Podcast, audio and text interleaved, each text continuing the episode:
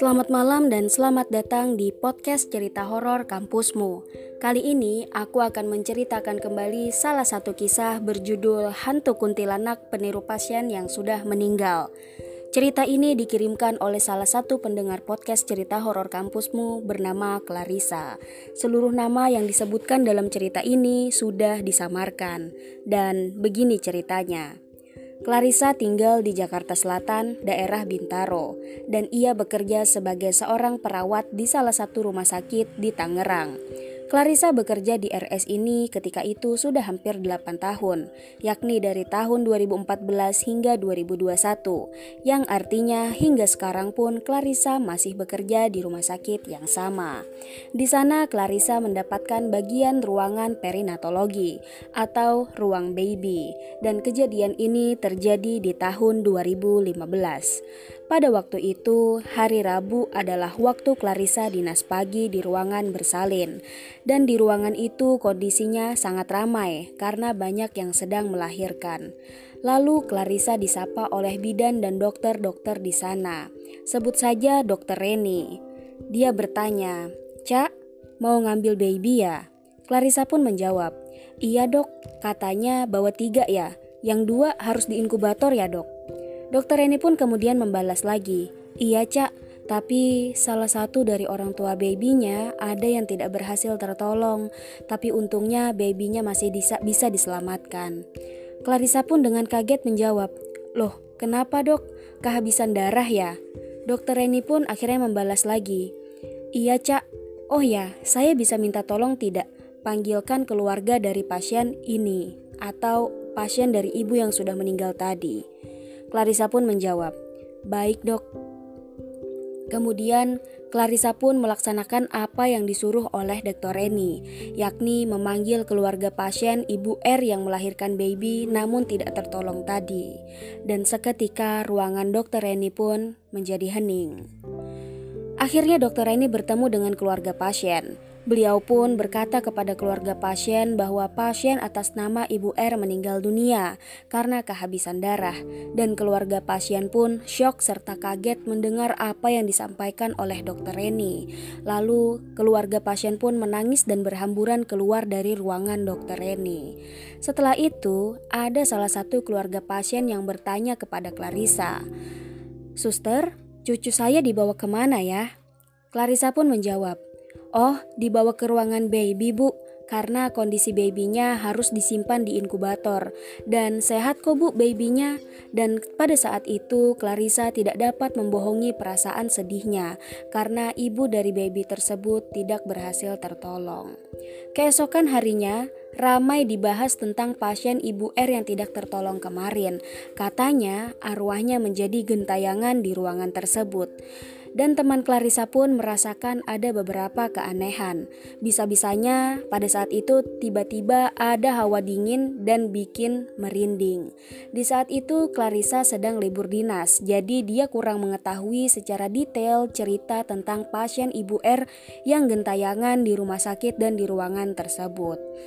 Ada teman Clarissa yang kemarin mendapatkan cerita-cerita isu soal pasien Ibu R yang gentayangan dan dia tidak percaya soal kebenaran kejadian tersebut. Nah, ketika teman Clarissa ini mendapatkan dinas malam hari, tiba-tiba jam 12 malam, teman Clarissa yang bernama Rika dia sedang menulis laporan pasien baby ketika itu, dan tiba-tiba ada yang memencet bel malam-malam.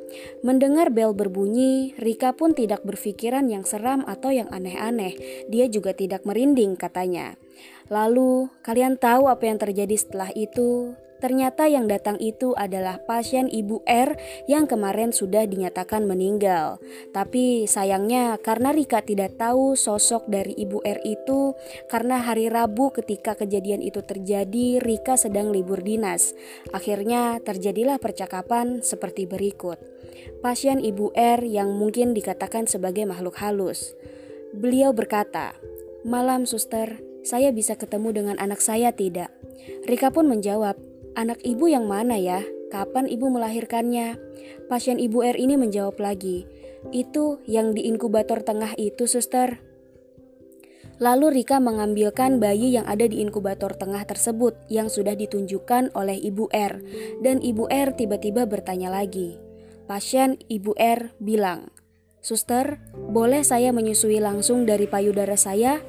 Rika pun menjawab, Silahkan bu, karena dalam pikiran Risa, ya itu adalah ibunya sendiri. Nah, Tiba-tiba saja Rika merasa suhu ruangan menjadi bertambah dingin. Dia mulai merinding dan di satu sisi ketika itu Rika ingat bahwa itu adalah hari Kamis yang otomatis malam Jumat. Gimana nggak merinding ketika itu?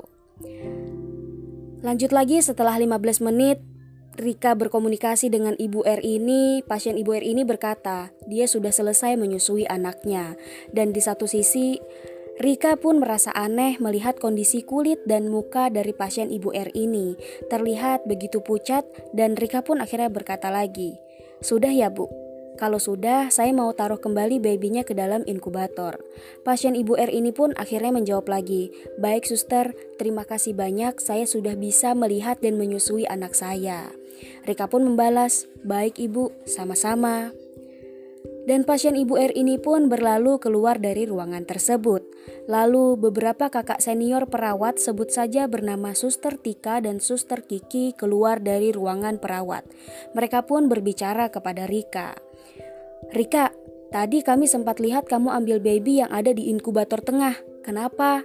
Rika pun menjawab, Enggak apa-apa teh, soalnya tadi ada pasien bernama Ibu R dari baby tersebut yang katanya pengen ketemu sama anaknya. Suster Tika dan Suster Kiki pun menjawab, Ya ampun, Rika, serius? Emangnya kamu gak tahu cerita-cerita dari anak-anak yang lain? Rika pun menjawab lagi dengan bingung, Gak tahu teh, emang ada apa sih teh?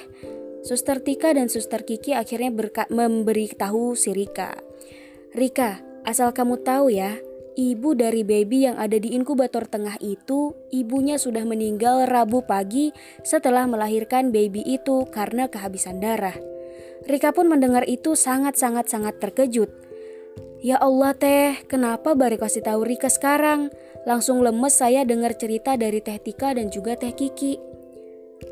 Suster Tika dan Suster Kiki pun akhirnya membalas lagi. Makanya, lain kali kalau ada apa-apa tanya dulu dan bilang sama kita. Akhirnya Rika pun membalas lagi. Baik teh, tadi sih cuma menyusui babynya aja kurang lebih 15 menit. Singkatnya, keesokan paginya giliran Clarissa lagi yang mendapat dinas pagi di ruangan dan bertemu dengan Rika. Clarissa melihat Rika tampak sangat pucat dan akhirnya Clarissa pun menjawab Rika, menyapa Rika. Rika, kamu kenapa? Baik-baik aja kan? Terus Rika pun menjawab, Gak apa-apa cak, cuman lagi gak enak badan aja. Clarissa lagi bertanya, Jangan bohong loh kak, Aku tahu kamu, kamu itu sahabat aku. Jadi, aku tahu kalau kamu lagi kenapa-kenapa. Rika pun sudah tidak bisa mengelak. Akhirnya dia jujur. Iya, jadi aku semalam ketemu pasien ibu R dari baby yang di, di inkubator tengah itu. Lalu ibunya minta untuk menyusui anaknya ya kurang lebih sekitar 15 menit. Awal-awalnya aku benar-benar gak ngerasain apa-apa, tapi lama-kelamaan aku juga merasa ada yang aneh. Aku kaget dan lemes ketika dengar cerita dari Teh Kiki dan juga Teh Tika bahwa ibu dari baby yang ada di inkubator tengah itu sudah meninggal setelah ia melahirkan. Clarissa pun kemudian membalas lagu lagi. Aku sih denger-dengar dari anak-anak katanya ya emang gentayangan gitu arwahnya. Nah, semenjak kejadian ini, Clarissa pun sebenarnya sudah mulai terbiasa mendengar atau melihat makhluk yang tak kasat mata. Karena di rumah sakit ya pasti juga banyak makhluk-makhluk yang berkeliaran dan sudah tidak aneh lagi di mata Clarissa. Oh ya, Clarissa juga menambahkan bahwa sosok makhluk yang menyerupai pasien Ibu R ini berwujud seperti kuntilanak dengan cara berpakaian yang serba putih dan rambut panjang. Sekian. Bagaimana menurut kalian teman-teman? Apakah kalian pernah mengalami kejadian yang sama dengan Clarissa? Buat kalian yang juga punya cerita atau pengalaman horor, boleh banget nih langsung kirimkan ceritanya lewat email yang tertera di deskripsi. Nanti akan dibacakan biar teman-teman yang lain juga dapat merasakan kehororannya. Segitu dulu cerita untuk kali ini. Terima kasih sudah mendengarkan dan selamat malam.